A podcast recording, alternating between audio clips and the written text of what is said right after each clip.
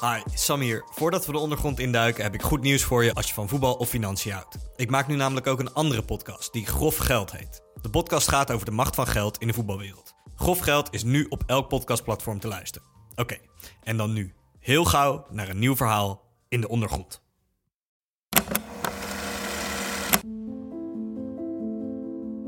Vier agenten en een officier van justitie staan in december 2018 voor de deur van een huis in Winschoten, een stad in het oosten van Groningen.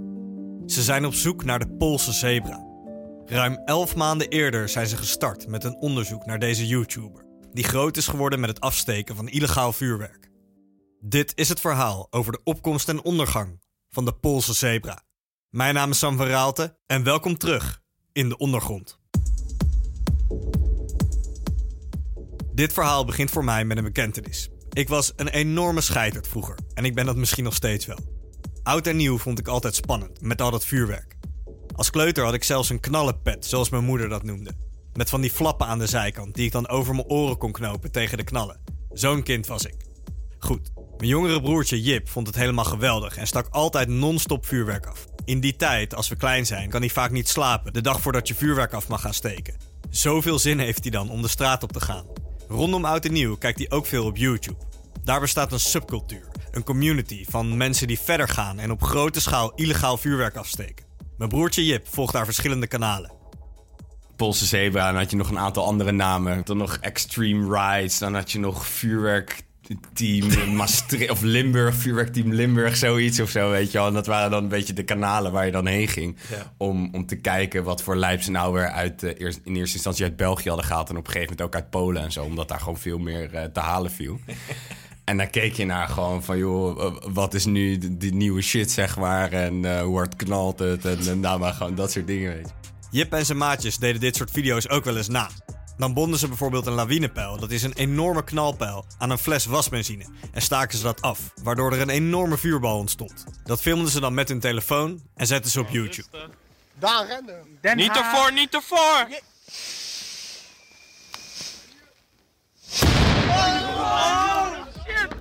De Nederlandse koning van de illegale vuurwerkkanalen op YouTube is dan de Poolse zebra. Hij is een mysterieus figuur. Hij laat van zichzelf alleen zijn handen zien in zijn video's, waarmee hij alles afsteekt.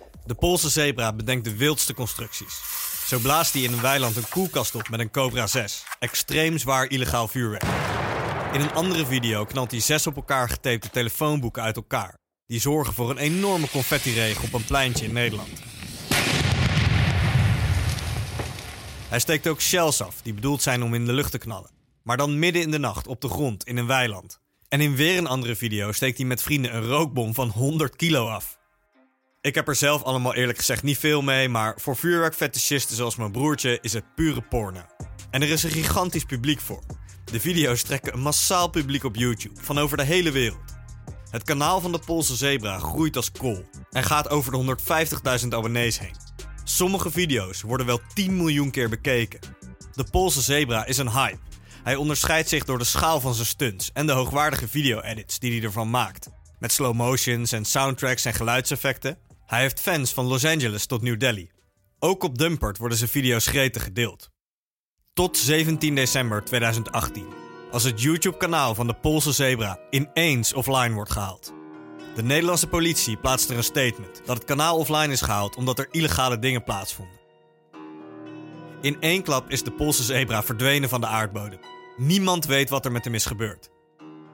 Fans van de Poolse zebra plaatsen boze en soms zelfs emotionele video's op YouTube. Dus een oproep naar jullie. Fuck al die popo's. Denk aan de dik vette pies. Het kan gewoon zo niet langer, jongens. Ik bedoel, Poolse zebra. Jongens, ik bedoel, Poolse zebra. Sorry.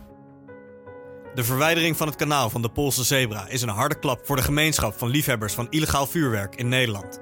De politie en justitie hebben ermee een belangrijke slag geslagen in de strijd tegen illegaal vuurwerk. De YouTube-community van vuurwerkfans implodeert in Nederland. Wat er precies met de Poolse zebra is gebeurd, blijft een mysterie. Hij brengt er zelf nooit wat over naar buiten en verdwijnt. Drieënhalf jaar later, in de zomer van 2022, werk ik bij het voetbalplatform 433. En ben ik samen met een producer, Sanne, en cameraman Bruno in Senegal om een korte documentaire te schieten. Ik heb wel eens eerder gewerkt met Bruno, maar dit is voor het eerst dat we samen langere tijd op pad zijn. Het is een intense, waanzinnige trip waarin we van de Senegalese hoofdstad Dakar naar het diepe binnenland van de West-Afrikaanse staat reizen. Bruno is een lange, witte, blonde gast met een grote bril.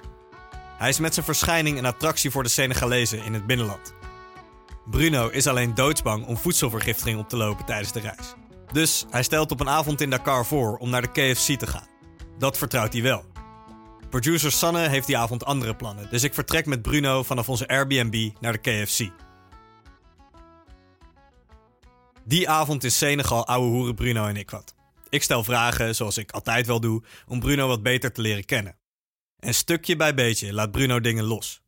Tussen neus en lippen door laat Bruno vallen dat hij buiten ons werk bezig is om een taakstraf af te ronden. Ik vraag door en dan vertelt hij schoorvoetend het hele verhaal. Tegenover me, in de KFC in Senegal, zit de Poolse zebra. Of nou ja, Bruno was de Poolse zebra. Tot het allemaal gruwelijk misging en hij in de shit belandde. Ik vind het een waanzinnig verhaal en hoort allemaal aan terwijl ik mijn kippenvleugels wegwerk in een hoekje van de enige KFC van Dakar. Ik ben in die periode al bezig met het opzetten van de ondergrond en vraag Bruno of hij zijn verhaal in een aflevering wil vertellen. Maar dat wil Bruno dan niet. Hij is nog bezig om alles mentaal te verwerken. Dat snap ik, dus we laten het rusten. Maar nu is hij wel zover en wil Bruno zijn verhaal vertellen. Dus we spreken af bij hem thuis. Ik pak de trein naar Groningen, drie uur lang, en kom aan bij een piepklein studioappartement in het midden van de stad. Bruno is dan net vertrokken bij 433. We gaan zitten aan de eettafel van zijn studiootje voor het verhaal over de opkomst en ondergang van de Poolse zebra. Oké Bruno, we zitten nu in jouw appartement, bij jou thuis. Ja. Eh, ik heb een colaatje, je hebt een biertje. Ja, lekker joh. Hoe gaat het nu met je? Het gaat hartstikke lekker. Ja, ik ehm, ben net klaar bij 433. Maar eh, dat is nu afgerond en eh, het is tijd voor mij om te gaan freelancen. En eh, ja, ik ben er hartstikke blij mee. Het gaat hartstikke goed. Goed, we beginnen bij het begin. Toen Bruno als kind verliefd werd op vuurwerk. Ik heb volgens mij in groep 8 al een spreekbeurt gehouden over vuurwerk. dus, dus ik vond het toen blijkbaar al fucking nice. Toen op een gegeven moment begon ik het hele jaar te sparen voor vuurwerk. En aan het einde van het jaar mijn hele, hele, hele vermogen erin gestopt. Elke keer.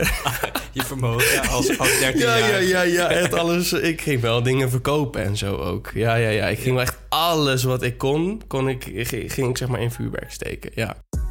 De jonge Bruno maakt dus meteen werk van het vuurwerk. In Groningen spreek ik ook Daniel, een jeugdvriend van Bruno, die de opkomst en ondergang van de Poolse zebra van dichtbij meemaakte. Je zult Daniel ook af en toe horen in dit verhaal. Ik vraag Daniel hoe hij het karakter van Bruno zou omschrijven. Het is een hele rationele jongen. Ik denk misschien het woord wat hem, wat hem nog het meest treft, is dat hij heel bedachtzaam is. Ehm, hij denkt vaak heel erg met ratio ergens over na, weinig met emotie. Intelligente jongen. Ja, hij, heeft, hij is heel perfectionistisch en van de extremen. Bruno is van de extreem. Dat beaamt hij ook zelf. De extreme knallen wakkeren zijn fascinatie voor steeds zwaarder vuurwerk aan, als kind. Het is heel indrukwekkend als het heel heftig is, weet je wel. Dus dat was ook wel het ding bij mij. Hoe heftiger, hoe leuker, zeg maar. Het is gewoon, het wekt heel veel indruk gewoon. Het is, ehm, het kan heel extreem zijn. En op een of andere manier geeft dat een hele harde kick, man. De harde knallen geven een kick, een adrenalinestoot. Het is iets heel primitiefs, zegt Bruno. Die kick die wil zo vaak mogelijk hebben. Op een gegeven moment heeft een buurjongen van Bruno nitraten. Dat is zwaarder vuurwerk dat je in Nederland niet af mag steken als burger. Nitraten knallen vooral extreem hard. Het zijn een soort rotjes op anabolen. Ja, dat was zo'n groot verschil. Bijna onvergelijkbaar qua, qua geluid, zeg maar, wat het veroorzaakt. Dat ik gewoon echt dacht van, wow, dit is echt, echt zieke shit. Dit moet ik gewoon alleen maar doen. Ik moet niet meer legaal vuurwerk hebben. Dit is gewoon wat ik moet hebben. Bruno's interesse in illegaal vuurwerk is gewekt. Hij leert iemand kennen die elk jaar illegaal vuurwerk bestelt uit het buitenland. En de jonge Bruno mag meebestellen. Hij brengt onder meer folders rond om in december zoveel mogelijk illegaal vuurwerk te kunnen bestellen. Dus toen had ik zoveel opties in illegaal vuurwerk... dat ik gewoon een heel assort- assortiment tot mijn beschikking had ik niet eens meer illegaal vuurwerk hoefde te kopen. Ik kon net zo goed alles illegaal doen, want dat is sowieso chiller. Zo komt Bruno aan nog harder vuurwerk uit Polen. Harder dan nitraten. Bruno begint het afsteken van dit vuurwerk te filmen met zijn telefoon, een Samsung Galaxy S3. Die video's uploadt hij in 2012 voor het eerst op YouTube. Hij is dan 13. Het zijn in eerste instantie korrelige, rauwe video's van simpele maar harde knallen. Zijn eerste video is niks anders dan het afsteken van een nitraat op de grond. Maar er blijkt een publiek voor te zijn. Gewoon rauw materiaal, niks geëdit. Gewoon, gewoon een filmpje van 15 seconden en dat uploadde ik. Ja, en dat deed ik denk ik tot aan de 10.000 abonnees. Eh, dat, dat, eh, dat, dat vonden mensen dus gewoon leuk om te zien als het zo rauw was. Zijn YouTube-kanaal noemt hij Poolse Zebra. Pools omdat het vuurwerk uit Polen komt. De zebra slaat nergens op, zegt Bruno. Maar goed, hij is dan ook 13 als hij de naam verzint. Het sloeg zo erg nergens op dat mensen dat blijkbaar wel ont- makkelijk onthielden. Bruno verdient al wel gauw een zakcentje dankzij het YouTube-kanaal. Via de advertenties die YouTube afspeelt voor zijn video's. YouTube betaalt makers van video's daar een bescheiden bedrag voor uit. De opbrengsten, dan nog niet meer dan een paar tientjes per maand, schat Bruno, stopt hij meteen weer in vuurwerk. En als hij de 10.000 abonnees heeft gehaald, kan hij er een handycam van kopen van Panasonic om nog betere video's te maken. Om zijn publiek te blijven verrassen, moet het allemaal wel steeds extremer op zijn YouTube-kanaal. Als Bruno die handycam heeft, maakt hij een mat van 100 nitraten die hij afsteekt in de natuur. Bruno kikt als kind op de views die hij krijgt op YouTube. De kick die hij eerst kreeg van het afsteken van het vuurwerk, wordt steeds meer vervangen door de kick van het massale publiek dat hij krijgt voor zijn video's op YouTube. Ja, daar kreeg je best wel ook een kick van, man. Dus je had dan... Dat vuurwerk was super nice. Daar, daar kick je heel hard op. Maar als het dan op YouTube komt en je ziet gewoon dat het 200.000 views pakt of zo... in een hele korte tijd, dan kick je daar ook wel heel hard op. Vooral als kind. En ik denk dat dat voor mij eh, de drive is geweest om het steeds extremer aan te pakken. Want het klinkt een beetje raar, maar nou verslaafd is wel heel extreem, weet je, om het zo te noemen. Maar het maakt heel veel impact op je man als kind. Als je gewoon eh, heel makkelijk zomaar even 200.000 views pakt. Jouw ouders, zeg maar, in, deze, in dit hele eh, gebeuren. Wat, wat kregen die ervan mee dat jij hiermee bezig was? Dat je illegaal vuurwerk afstak, dat je dat op YouTube zette, dat je daarmee heel veel views pakte. Wat, wat kregen die mee van de hele opkomst van Poolse Zebra? Ja, mijn ouders die wisten wel dat ik, eh, dat ik veel van vuurwerk hield, uiteraard. Want daar vertelde ik veel over. Die, die hadden ik niet helemaal door dat het dan zo extreem was. En ze zagen het ook een beetje als qua jongens gedoe, weet je wel. Dus eh, die zagen dat ook niet als iets zo serieus. Toen ik wat ouder werd natuurlijk, toen werd het wel heel groot, mijn kanaal. Dus dan ontkom je er niet aan dat zij daar dat ook door hebben. En, en, en kijk, zij, zij kennen mij goed. Ik ben niet achterlijk, zeg maar. Ik kan, ik kan, ik kan wel gewoon veilig met, eh, met dingen omgaan. Dus het was, het was nou niet dat zij heel veel angst hadden dat ik mijn hand eraf zou blazen of weet ik veel. Of dat ik eh, iemand anders heel erg letsel zou toebrengen of wat dan ook. Of mensen tot last zou zijn. Dat, dat, eh, dat hadden ze wel door. Dus, dus dat... ehm, Ze vertrouwden jou er wel Ze, in. ze vertrouwden mij wat dat betreft daar wel in, ja. Heb je ook iets gedaan, eh, iets afgestoken of een constructie gemaakt waar je niet echt trots op bent? Er is één ding waarvan ik wel denk van ja, dat had ik wel anders kunnen doen. Een enorme rookbom die ik een keer op oud en nieuw heb afgestoken. En dat was, ehm, dat was wel in een woonwijk. Weet je, dat was echt een mega rookbom van, eh, ja, van 100 kilo. Het, het slaat echt nergens op eigenlijk. Maar goed, weet je, ik was toen ook nog wel, wel jong en, en dat heb ik toen gedaan. Dat is ook gewoon niet slim, weet je. Dat heb ik dan gedaan, daar heb ik wel spijt van, maar... Omdat het in een woonwijk was dan vooral? Ja, ja, ik bedoel, het is, Gewoon het is best wel asociaal. Maar ehm, daar wil ik wel even bij zeggen... er zijn geen, er is geen letsel bij mensen of zo eh, geweest. Het is meer gewoon asociaal. Het afsteken van dit soort bizarre constructies is voor Bruno en zijn vrienden altijd een kat-en-muisspel met de politie. Als hij 18 is, verhuist Bruno het maken van zijn video's naar Polen, waar een stuk meer is toegestaan. Met de inkomsten uit zijn YouTube-kanaal betaalt hij het hotel en de benzine. En er zijn altijd wel een paar vrienden die met hem mee willen gaan, waarvan er eentje een auto heeft die ze kunnen gebruiken voor de roadtrip, van Winschoten naar Polen. En dat was ook wel grappig, want ehm, die maat van mij... die had een auto met een zebra... helemaal een zebra-print erop. Gewoon, Oh. Het was een zebra-auto. En het was gewoon toeval. Hij had gewoon die auto en dat vond hij grappig, zo'n auto. Dat is wel heel toevallig. Ja, dus, dus dat was wel mooi, want eh, dat past ook nog perfect bij mijn eh, kanaal natuurlijk. Dus daar gingen we toen mee naar Polen. In Polen zijn er vlak over de grens met Duitsland verschillende plekken met enorme loodsen voor vuurwerktoerisme. Zoals je in Nederland vlak over de grens ook veel drugstoerisme hebt. Het stadje waar Bruno en zijn vrienden naartoe rijden heet Hohenwoodsen. In die loodsen, vol vuurwerk, is hij als een kind in de snoepwinkel. Ja, dat was mooi, dat was mooi. Dus dan, ehm, toen was ik al wel zo groot dat ik gewoon video's liet zien aan die winkeleigenaren. En dat zijn vaak ook wel mensen die ook wel liefhebbers zijn. Eh, en die vonden het dan zo mooi dat ze allemaal gratis vuurwerk gingen geven. Ja, ik kreeg gewoon heel veel gratis vuurwerk en dat kon ik daar gewoon afsteken. Dus dat was, eh, dat was ook fucking mooi. Bruno's vriend Daniel gaat dan ook wel eens mee naar Polen. Hij bewaart bijzondere herinneringen aan die trips. Vooral aan het hotel waar ze verbleven, als tieners. Daar kwamen we in een hotel, wat later, dat bleek eigenlijk een, een bordeel te zijn. Het was net over de grens, daar was het dan legaal of zo, in Duitsland niet. Dus het was een en al rode lampjes overal. Dus we liepen al op die markt. En toen, toen we vertelden dat we bij dat hotel sliepen, toen zei, toen zei de, de marktmannen daar, die zeiden ook van, oh ja, dat, dat is eigenlijk een bordeel. Als je naar beneden gaat naar de kelder en je zegt een codewoord tegen de mevrouw die daar aan de bar zit, dan komt ze met jou, loopt ze achter jou aan naar de kamer. Daniel zweert dat ze nooit gebruik hebben gemaakt van die diensten. Wat hij zich wel herinnert is hoe ze op een haar na gepakt werden door de politie toen ze vuurwerk afstaken in de natuur in Polen. Die cultuur is ook anders van politie daar. Dus die deden de deur open, die pakten alles uit de auto, die gooiden op de grond. En die deden de zonnebril af en die keken ons gewoon alleen maar recht in de ogen aan. Gewoon niks zeggen de hele tijd. Een beetje om een soort indruk te maken. Gelukkig hadden we toen net alles afgestoken. Daar hadden we dus mazzel mee dat alles afgestoken was. Als er nog iets qua vuurwerk in die auto lag... dan denk ik wel dat we, dat we iets hadden moeten doen, ja. Dan had Bruno misschien op zijn knieën gemoeten voor de politie. Tijdens zo'n trip, die twee, drie dagen duurde, maakte Bruno een stuk of 15 video's. De ideeën ervoor had hij thuis al op een lijstje uitgewerkt. De video's die hij maakte moesten steeds lijper en lijper. je gaat dus steeds extremer. En toen, het moment dat ik in Polen alles ging afsteken, toen was ik wel echt op een punt dat het wel heel extreem was. Toen deed ik bijvoorbeeld dat ik een heel karton aan FP3-nitraten kocht. Nou, ja, een FP3-nitraat is gewoon een Poolse nitraat. En er zitten duizend in. En dat deed ik dan allemaal op één bult. Een heksenkring maakte ik daarvan. En dan stak je alles in één keer aan. Dus er gingen duizend nitraten in één keer af. En dan eh, filmde je dat en op het moment dat je dat filmde en dat het gebeurde, wist je dan meteen van, dit gaat weer een hit worden? Op YouTube?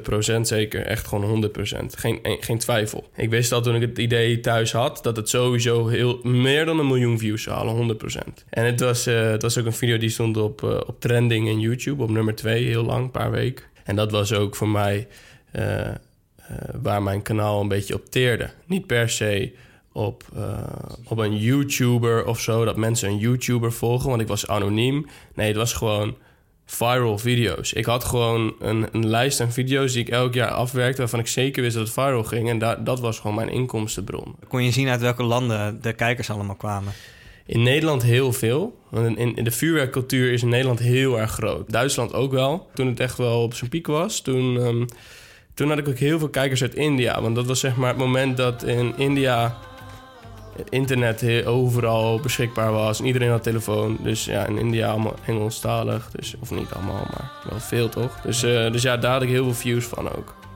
Op dat moment kijken er dus geregeld honderdduizenden en soms wel miljoenen mensen van over de hele wereld naar Bruno's vuurwerkvideo's. Ik vind het een bizar idee dat er in India tien, misschien wel honderdduizenden mensen zitten te kijken naar zijn video's. Maar wat Bruno dan niet weet, is dat de politie hem al stiekem in de gaten houdt. Daarover later meer.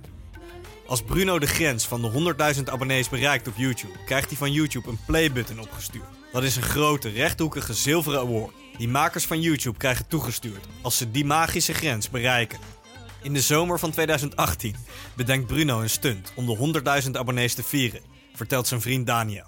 Toen Frankrijk de WK-finale speelde tegen Kroatië, zijn we eh, in de auto gestapt naar Parijs. Ik dacht van, dat wordt lachen. Frankrijk wint toch. Mbappé in het team, Giroud toen. Toen zijn we daar met, eh, met Bruno en nog twee vrienden... eh, ja, dus gewoon de auto ingestapt, daarheen gereden. Bijna niks kunnen zien van de wedstrijd. Maar Frankrijk won wel met 4-1. En dat was een moment dat ehm, iedereen in heel Parijs de straat opkwam op de Champs-Élysées. En echt, ik heb nog nooit zoiets gezien. Miljoenen mensen in een soort opmars naar de Champs-Élysées door die straten heen. En voor Bruno was dat een goed moment, leek hem dat, om naakt in het publiek te staan. En zijn playbutton voor zijn uh, geslachtsdeeltje te houden. Zo, om zo een foto te maken, dat leek hem tof. Nou ja, oké, leuk idee. Dus ik ben aan een vriend van mij op de rug geklommen met een camera in mijn hand. Moet je je voorstellen, miljoenen mensen om je heen die er langs marcheren, die die playbutton willen aftrekken. Hij is een blote snikkeltje in dat publiek. Het was een gek gezicht en mensen zaten gek naar te kijken. Maar uiteindelijk is het, is het wel gelukt. Goed, de foto in zijn Naki met de playbutton in Parijs is gemaakt. Intussen heeft Bruno zijn Panasonic Handycam dan al ingeruild voor een betere professionele videocamera. Voor het maken van zijn video's. Hij steekt ook steeds meer tijd in het videografisch mooi maken van de video's. En zo ontwikkelt Bruno naast het vuurwerk een andere passie. Een passie voor videografie. En toen begon ik echt een groot liefde te krijgen voor video's ook. Dus dat, dus dat zag je ook heel erg in mijn video's. Dat, uh, dat de video's heel overdreven, perfect in elkaar zaten op, op beeldtechnisch vlak, zeg maar. Ja, dat vond ik gewoon hartstikke leuk. En uiteindelijk werd dat ook een deel van mijn identiteit, zeg maar, als YouTuber. Dus, uh, dus dat heeft allemaal uh, elkaar geholpen, zeg maar. Ja, uiteindelijk uh, vond ik, werd ik dus wat ouder, word je 19, 20. En dan begint die vuurwerkinteresse wel een beetje af te nemen. Nog steeds was hij er wel heel erg, maar wel minder extreem dan dat hij eerst was. En um, toen dat gebeurde, toen werd eigenlijk de interesse voor filmen steeds groter en groter en groter. Dus het werd een beetje, het ene ging naar beneden, de andere ging naar omhoog. Maar ja, weet je, ik had dat kanaal al, hè. En dat, dat liep zo goed. En dat was ook gewoon nog steeds leuk, weet je. Dus ja, daar ga je gewoon mee door. Maar uiteindelijk, helemaal op het einde, zeg maar... toen was mijn passie voor video veel groter dan de passie voor vuurwerk. 2018 is zijn grootste jaar. Als hij na de 100.000 abonnees op YouTube ook snel over de grens van 150.000 abonnees gaat. Zijn kanaal groeit als kool. Bruno is dan net 20 geworden en verdient honderden euro's per maand met zijn kanaal. Maar wat Bruno dan nog steeds niet weet, is dat de politie en het Openbaar Ministerie al maanden bezig zijn om een zaak tegen hem op te bouwen. Daar komt hij achter op 17 december 2018, als de politie binnenvalt bij zijn ouders, waar Bruno dan nog woont. Ze hebben het echt heel serieus aangepakt hoor. Ze hebben echt uh, alles uit de kast getrokken. Dus uh, ze gingen gewoon een, een, huiszoeking doen, zeg maar. De officier van justitie die was ook mee. Toen kwamen ze bij mijn huis binnen. En ik uh, weet nog dat ik bezig was met het editen van video's. want dat is echt de tijd voor mijn kanaal. Want toen waren de views echt... Die schoten door het dak. Want iedereen wilde toen vuurwerkvideo's kijken. Vlak voor oud en nieuw. Um, dus ik was nog bezig met editen. En tijdens het editen toen, toen kwam, kwam er een groep mensen binnen om mij ja, maar even aan de tand te voelen. De agenten en officier van justitie gaan door het huis heen op zoek naar belastend materiaal en vuurwerk.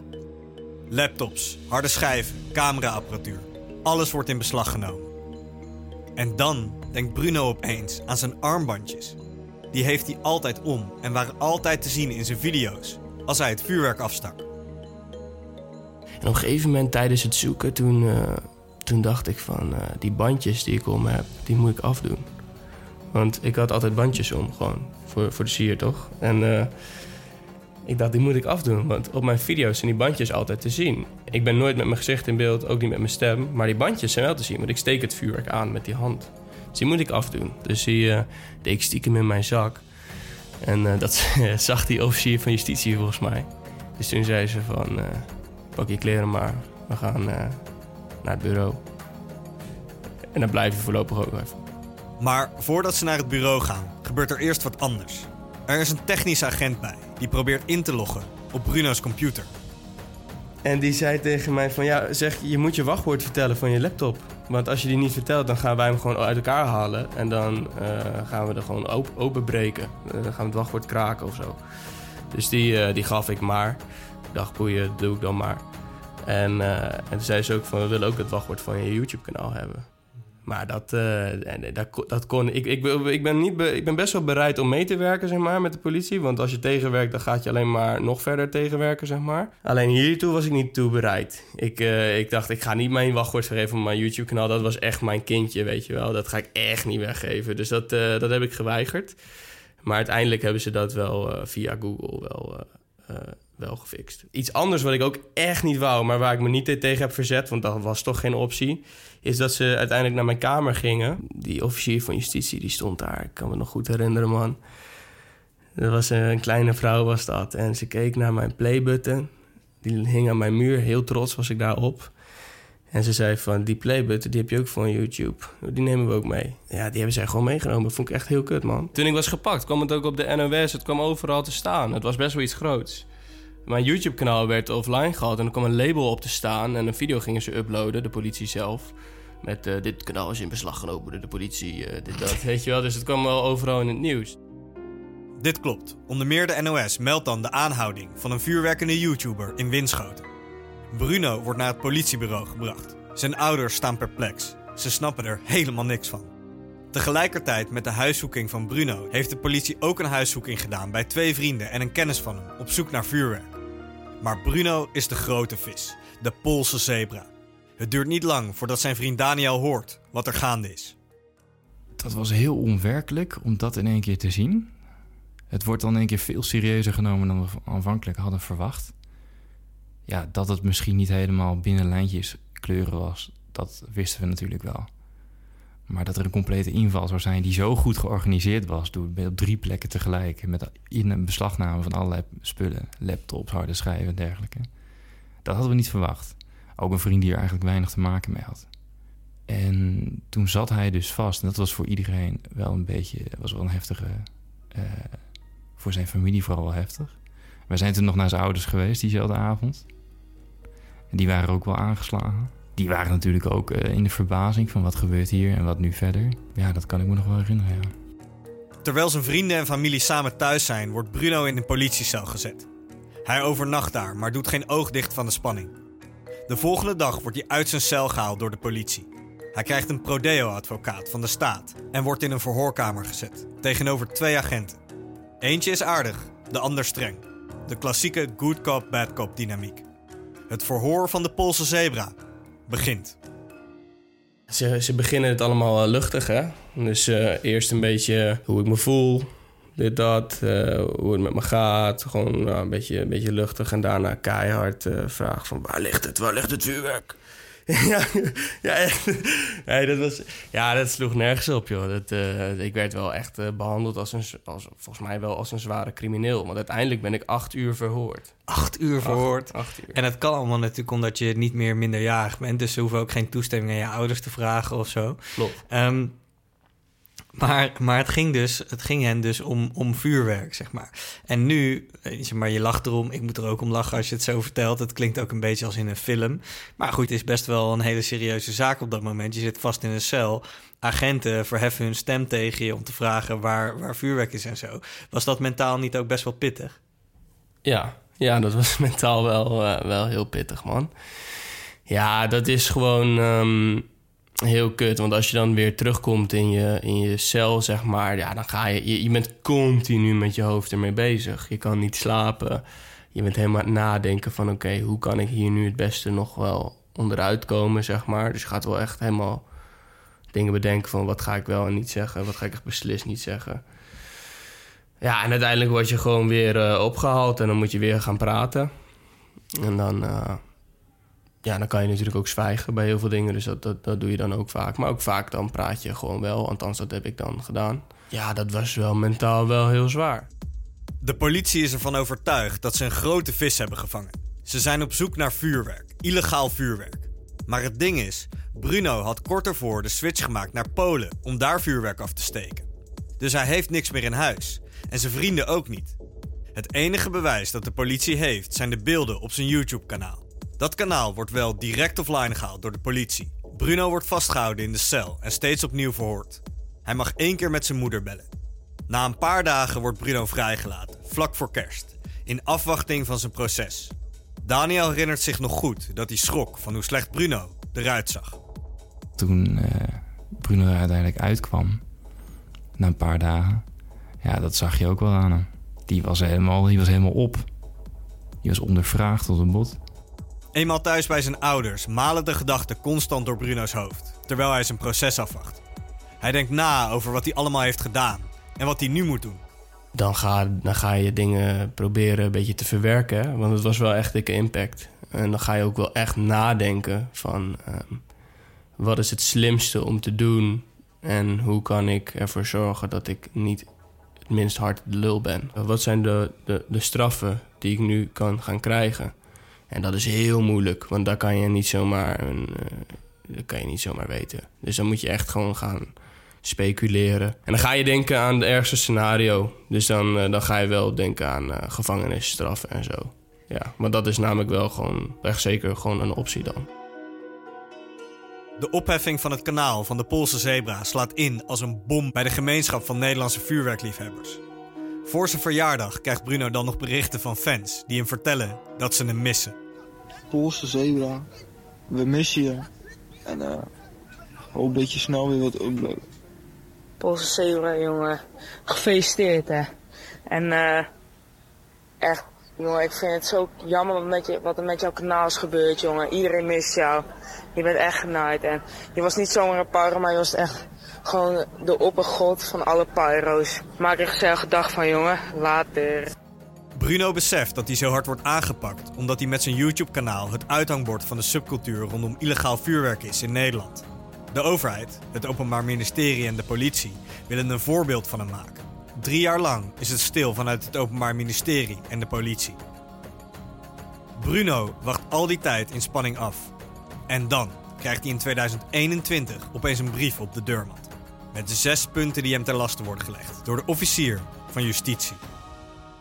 En dat waren eigenlijk hele, hele simpele dingen. Dus het was een mega onderzoek. Maar er stond eigenlijk gewoon in van... het in bezit hebben van drie Cobra 6... het in bezit hebben van 25 nitraten... het in bezit hebben van eh, zoveel dit, het in bezit... Het, het was gewoon... eh, het was ook heel klein, kleine aantallen wa- wat ze hadden opgeschreven. Dat was de lastenlegging. Ik heb de tenlastelegging ook ingezien. En er worden Bruno inderdaad uiteindelijk zes strafbare feiten ten laste gelegd. Vier daarvan gaan over het bezitten van illegaal vuurwerk, zoals een paar Cobra 6'en. De twee andere punten gaan over de eerder genoemde rookbom van 100 kilo, die Bruno vlakbij een woonwijk heeft afgestoken. De officier van justitie eist een straf die bestaat uit het maximum van 240 uur taakstraf en een voorwaardelijke gevangenisstraf van 6 maanden met een looptijd van 2 jaar. In de herfst van 2021 kan het proces beginnen. Vlak voordat het proces begint, krijgt Bruno ook het complete dossier dat justitie van de zaak heeft gemaakt toegestuurd. Hij schrikt van de omvang daarvan. In totaal bestaat het dossier van de zaak uit meer dan 1700 pagina's aan documenten. Het Openbaar Ministerie blijkt het proces ook een naam te hebben gegeven, zoals het Marengo-proces een eigen naam heeft. Het proces rondom de Poolse zebra heet het DeLorean-proces, vernoemd naar de auto, de DeLorean, die bekend werd door Back to the Future. When this baby hits 88 miles per hour, you're gonna see some serious shit. Bruno denkt dat het onderzoek de overheid een vermogen heeft gekost. Het heeft honderdduizenden euro's, echt, echt honderdduizenden euro's gekost. Dat kan niet anders. Het was of echt heel erg van, nou, dat is een uithangbord voor het publiek, dus die moeten we keihard aanpakken. Of ze dachten inderdaad dat ik echt een hele grote vis was. Want ja, je kan je toch bijna niet voorstellen dat een overheid gewoon denkt van, nou, die, die jongen die maakt reclame voor vuurwerk, dus we gaan dat even op deze manier doen. Dat kan toch bijna niet, zou je zeggen.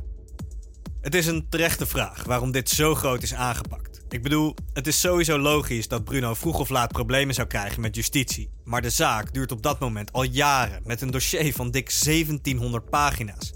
Waarom heeft de overheid zoveel moeite gedaan om hem, de Poolse zebra, aan te pakken? Om daarachter te komen zoek ik contact met de officier van justitie die deze zaak voerde namens het Openbaar Ministerie. Haar naam is Danielle van Iperen. Ik leg een interviewverzoek neer bij het Openbaar Ministerie. En na wat mailverkeer over en weer mag ik bellen met officier van justitie van Iperen. Oh ja, en als zij praat is het belangrijk dat je weet dat voor consumenten illegaal vuurwerk in haar vakjargon wordt benoemd als professioneel vuurwerk. Ik vraag mevrouw van Iperen hoe het OM op het spoor kwam van de Poolse zebra.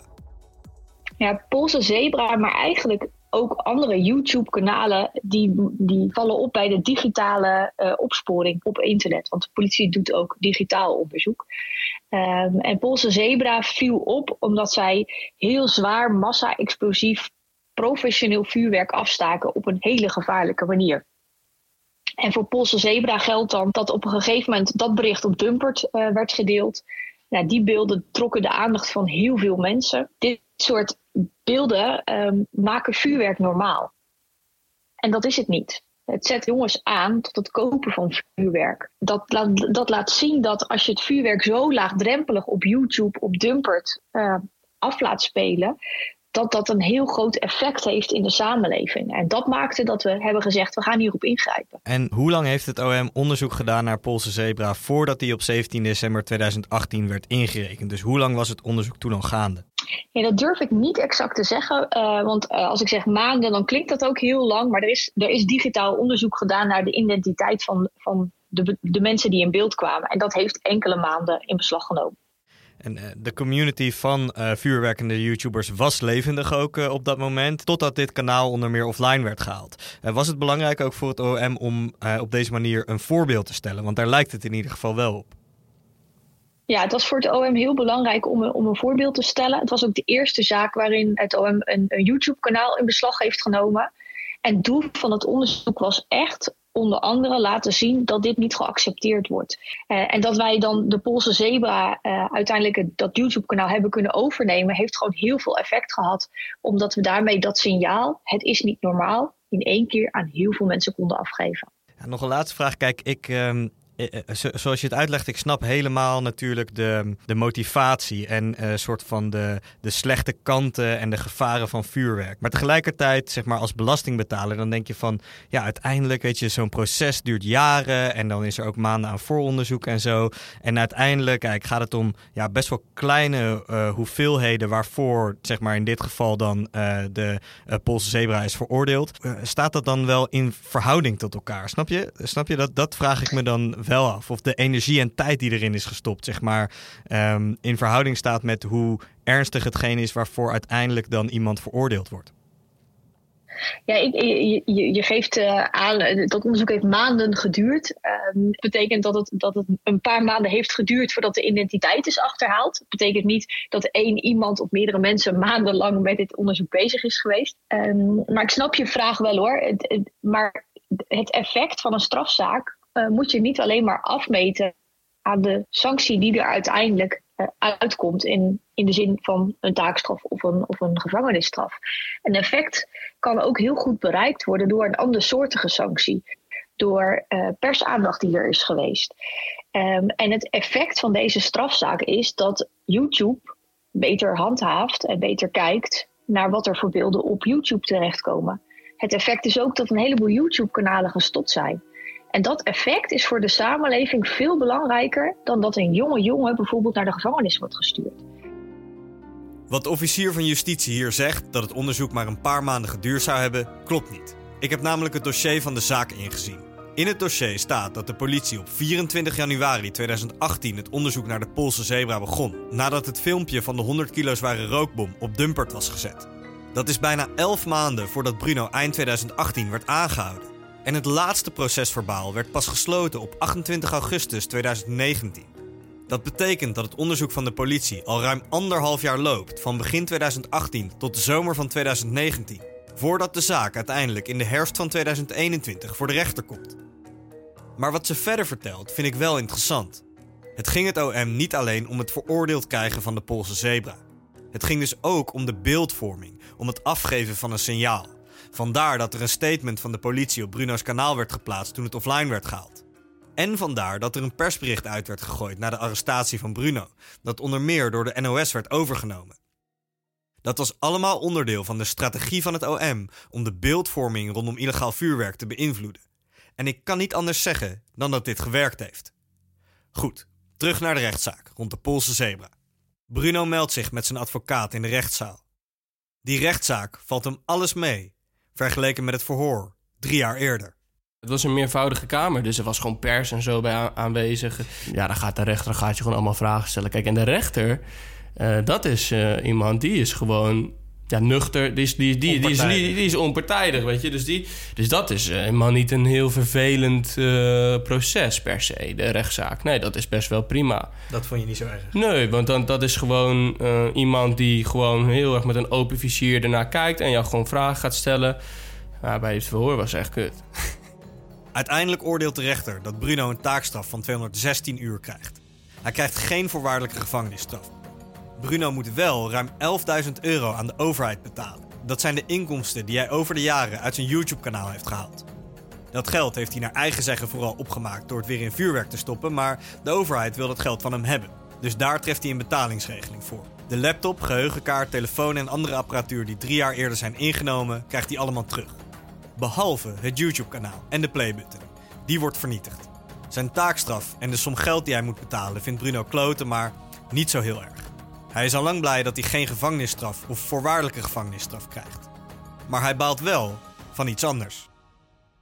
Wat ik wel heel erg vond, is dat mijn YouTube-kanaal verwijderd is en vernietigd is. En dat mijn YouTube playbutton vernietigd is.